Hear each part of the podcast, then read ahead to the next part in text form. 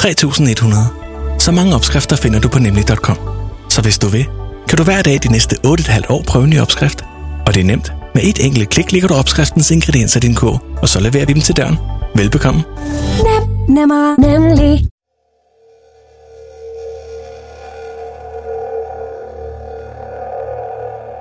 I efteråret 2011 forsvandt den 42-årige forretningsmand Daniel Perto Hansen med kælenavnet Pitti sporløst fra sit hjem.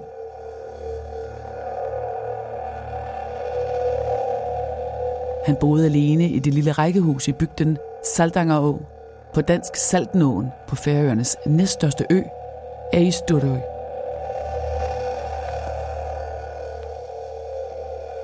Hvad var der sket med Pitti?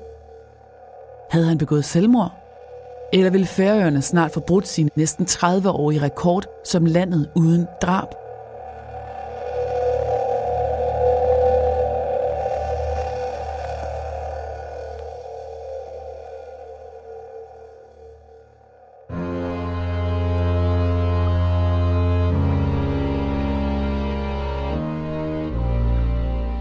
Du lytter til Mor i Nord.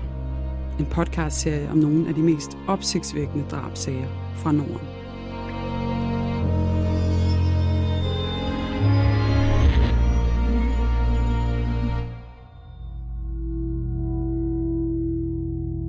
Det du nu skal høre er en virkelig historie.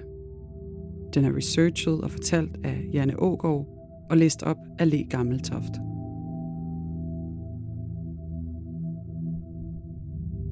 Det her er en genfortælling af sagens fakta, som de har været gengivet i andre medier.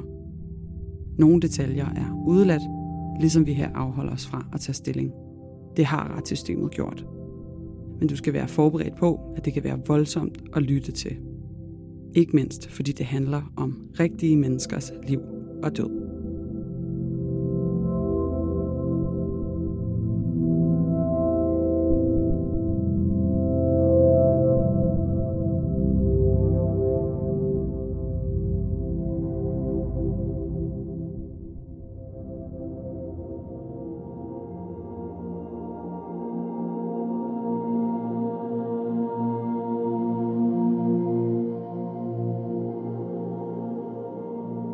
Færøerne ligger midt ude i den nordlige del af Atlanterhavet mellem Storbritannien, Island og Norge.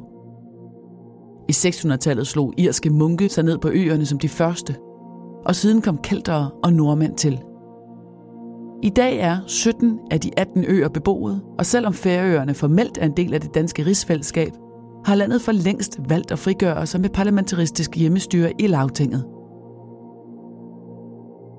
den lille isolerede øgruppe Færøerne midt i Atlanterhavet er kendt som utrolig fredelig. Det færøske samfund har en af verdens laveste drabsretter. Fra 2. verdenskrig og frem til i dag har der været bare 10 drab. Måske skyldes de få drab, at det er et kristent samfund. Måske skyldes det, at der er få indbyggere, nemlig bare 52.000. Af dem bor de 20.000 i eller omkring hovedstaden Torshavn, mens resten er spredt på de øvrige 17 klippeøer.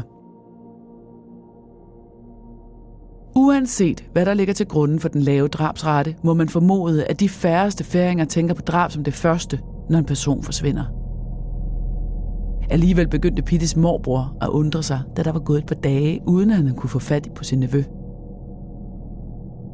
Hans undren blev til bekymring, og til sidst besluttede han sig for at kontakte politiet.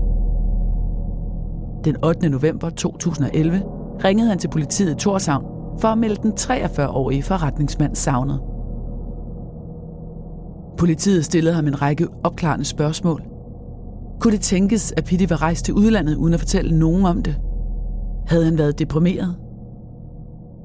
Hvert år meldes tusindvis af borgere i det danske rigsfællesskab savnet, og de har alle forskellige grunde til at forsvinde. Det kan være alt fra besværlige familierelationer til psykisk sygdom, økonomiske problemer og meget, meget andet. Der var ikke umiddelbart tegn på nogen af de ting i Pittis tilfælde. Ganske vist var han blevet skilt året for inden. En skilsmisse var ikke nødvendigvis det mest velsete i et af Europas mest religiøse samfund, hvor den lutherske folkekirke spiller en stor rolle i dagligdagen for langt de fleste færinger. Men Pitti havde ikke virket deprimeret efter skilsmissen, og han så fortsat sine to små døtre for ægteskabet.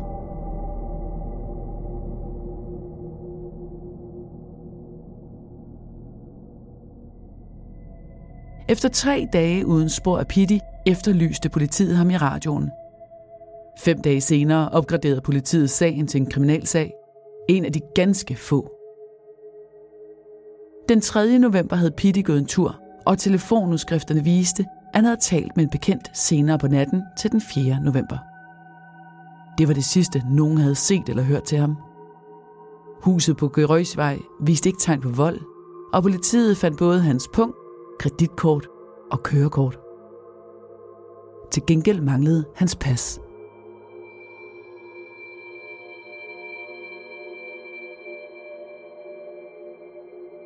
Politiet sporede hans mobiltelefon, der blev aktiveret den 9. november, men slukkede efter et par timer. Indslaget i radiovisen gav flere end 300 henvendelser til politiet. En grundigere rensagning af Pittis kælder afslørede en plastikpose, hvor der var spor efter blod på. Noget kunne tyde på, at Pitti var død, og ikke for egen hånd eller i en ulykke.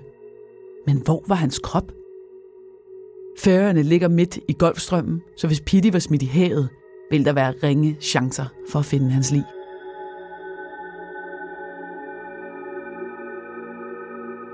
Kriminalteknikere fra det danske rigspoliti blev fløjet ind for at hjælpe med at gennemgå huset som et muligt gerningssted.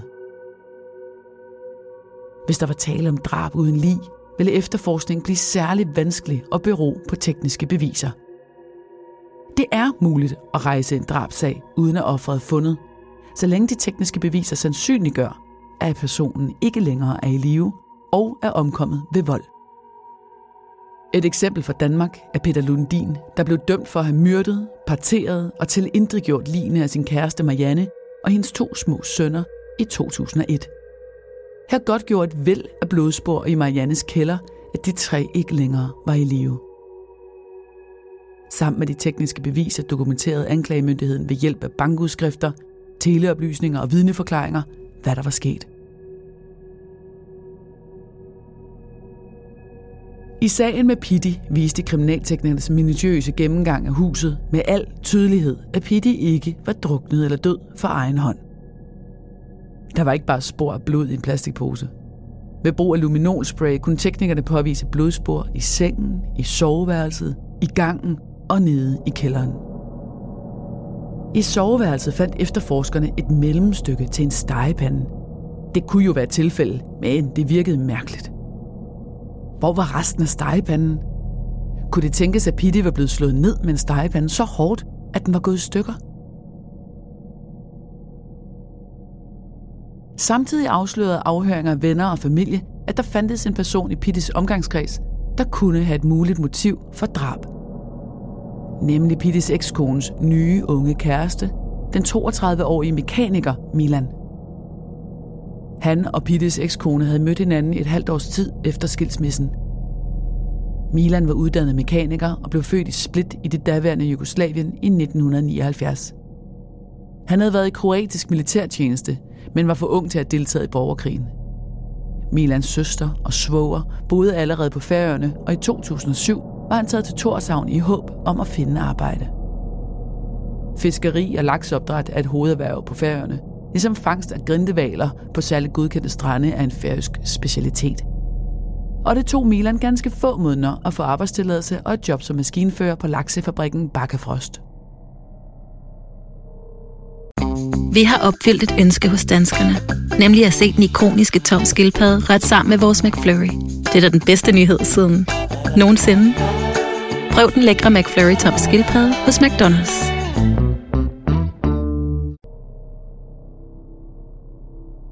Politiet indkaldte Pittes ekskone til afhøring. Samme dag, hvor hun talte med efterforskerne på politistationen, fik Milan et ildebefindende på sit arbejde – han blev indlagt på det lokale sygehus. Her afhørte politiet ham dagen efter. Men Milan nægtede et hvert kendskab til Pittis forsvinden. Politiet fik en rensagningskendelse til hans hjem, et lejet hus i byen Nes, der lå omkring 5 km fra bygden, hvor Pitti boede. For efter afhøringerne af ekskonen viste det sig, at hun og Pitti langt fra var enige om, hvad der skulle ske med familiens hus, som Pitti nu boede i alene. Hans ekskone var den tinglyste ejer, og hun ønskede at sælge huset. I september havde Pitti tilbudt hende 115.000 kroner for at overtage huset. Det sagde hun nej til, og tilbød ham i stedet samme beløb for at rykke ud. Sagen var endt i hårdknude med advokater på begge sider. Lige inden Pittis forsvinden, havde hans advokat rykket ham for et svar på et forlig, men uden held. Rensagning af Milans hus viser at føre til et gennembrud for efterforskerne. Der lå både sengetøj og beklædningsgenstande, der havde spor efter blod på sig. De fandt også en anden vigtig ting. Resterne af stegepanden, hvis mellemstykke, der var blevet fundet i Pittis soveværelse. Der var mikroskopiske rester af blod på panden.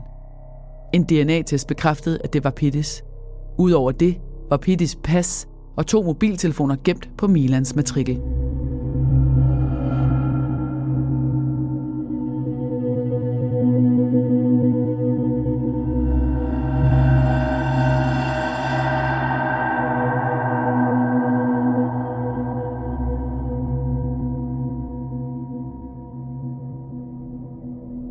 Den 15. november blev Milan anholdt og sigtet for drab.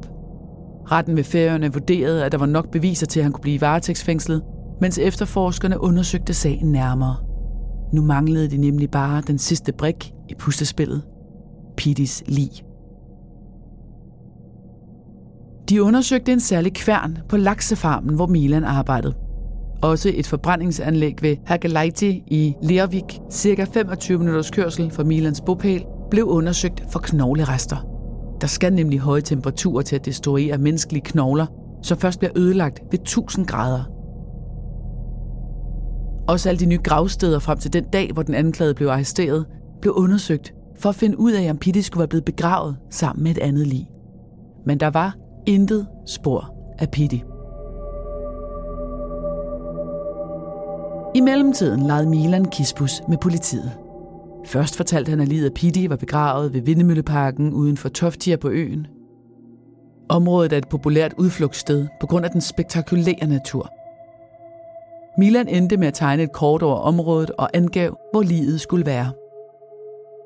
Specialtrænede hunde ledte hele den sommer efter tegn på en grav uden at finde spor. Flere gange undervejs ændrede Milan forklaring til politiets store irritation.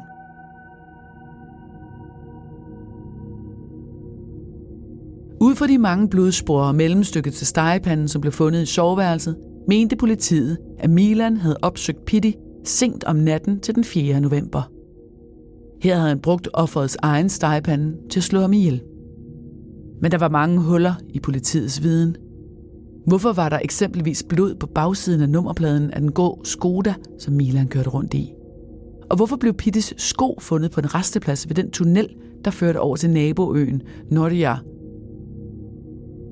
og politiet havde stadig ikke noget lig. Men på baggrund af de forløbige beviser bestemte anklagemyndigheden sig for at fastholde sigtelsen og klargøre et anklageskrift mod Milan for drabet på Pitti den 4. november 2011. Den 5. november 2012, et år efter Pittis forsvinden, begyndte nævningeretssagen i retten på Færøerne. Den nu 33-årige Milan var anklaget for at have dræbt Pitti – han havde siddet varetægtsfængslet i næsten et år. Daniel Petto Hansen var ikke blevet fundet, men anklagemyndigheden mente, at de alligevel havde en stærk sag. Forsvaren forsøgte at antyde, at Pitte havde taget livet af sig selv. Men et vidne tæt på ham afviste blankt den mulighed. Pitte havde ikke virket nedtrykt eller deprimeret op til sin forsvinden, og det var utænkeligt, at han skulle have begået selvmord. Undervejs i efterforskningen havde flere vidner stået frem og fortalt, at de havde set Pitti efter det tidspunkt, hvor han var forsvundet. De blev indkaldt i retssagen for at forklare sig. To mænd fortalte, at de havde set ham køre i en grå Skoda Fabia dagen efter det påståede drab. Men en anden mand meldte sig senere til politiet og fortalte, at det måtte være ham, de havde set. Milan virkede ganske upåvirket under sagen, og ved dommen, der faldt den 6. december 2012. Både dommer og nævninger var enige om, at han var skyldig, og de var enige om straffen på 14 års fængsel for drab og usømmelig omgang med lig samt tøveri af kreditkort. Retten fandt ingen formidlende omstændigheder ved drabet. Udover dommen på 14 års fængsel blev Milan Kolovrat bortvist fra færøerne for bestandigt. Samtidig blev han dømt til at betale både sagsomkostningerne og erstatning til Daniel Pietro Hansens døtre og øvrige familie på omkring 700.000 kroner. Sammenlagt blev det til en millionregning, der næppe nogensinde kan inddrives. Anklageren Linda Hesselberg havde bedt om 16 års fængselsstraf, men slog sig til tåls med de 14 år og valgte ikke at anke sagen. Milan selv sagde ifølge sin advokat, at han var træt af at sidde i en retssal. Han ankede heller ikke. Milan startede sin afsoning i arresten i Mjørkadal, i området med den militære flyvestation, som ikke er et sted egnet til længere tids afsoning. Her havde han siddet varetægtsfængslet i næsten et år, så der var ikke en stor forskel. Men målet var at få ham overflyttet til Danmark, for at kunne få en afsoning under bedre forhold med adgang til arbejde, studier og fællesskab med andre indsatte. Hvor i Danmark Milan afsoner straffen for drabet, ved vi ikke. Det færøske retsvæsen har afvist at udlevere protokol, dom eller andre oplysninger i forbindelse med drabet. Det skyldes, at medier i henhold til den færøske lovgivning ikke har part i sagen, og at kun parter kan få udleveret informationer selv i straffesager, der formelt set er afsluttet. I Danmark kan medierne med henvisning til retsplejeloven få udskrifter af dom og retsprotokol uden større problemer. Retten på færøerne fortæller dog, at der fra 2021 vil være større åbenhed i retsplejen, når en ny lovgivning træder i kraft.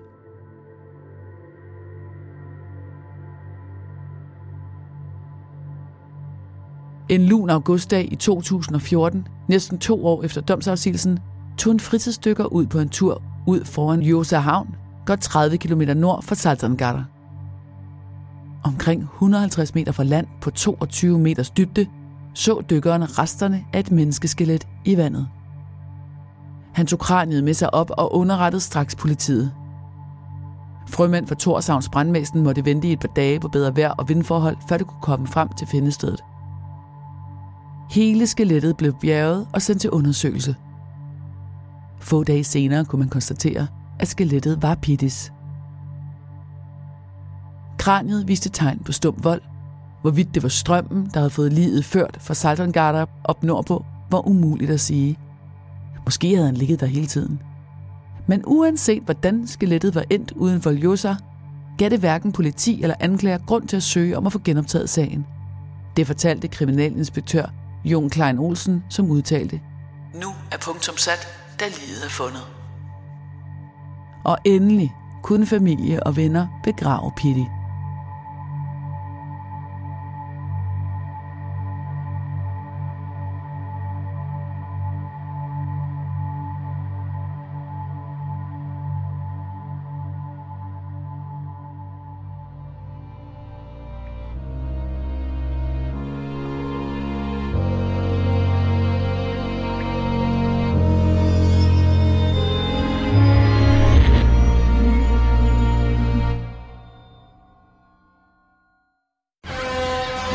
Skal fra Sjælland til Jylland Eller omvendt, så er det Molslinjen, du skal med Kom, kom, kom, bado, kom, bado, kom, bado.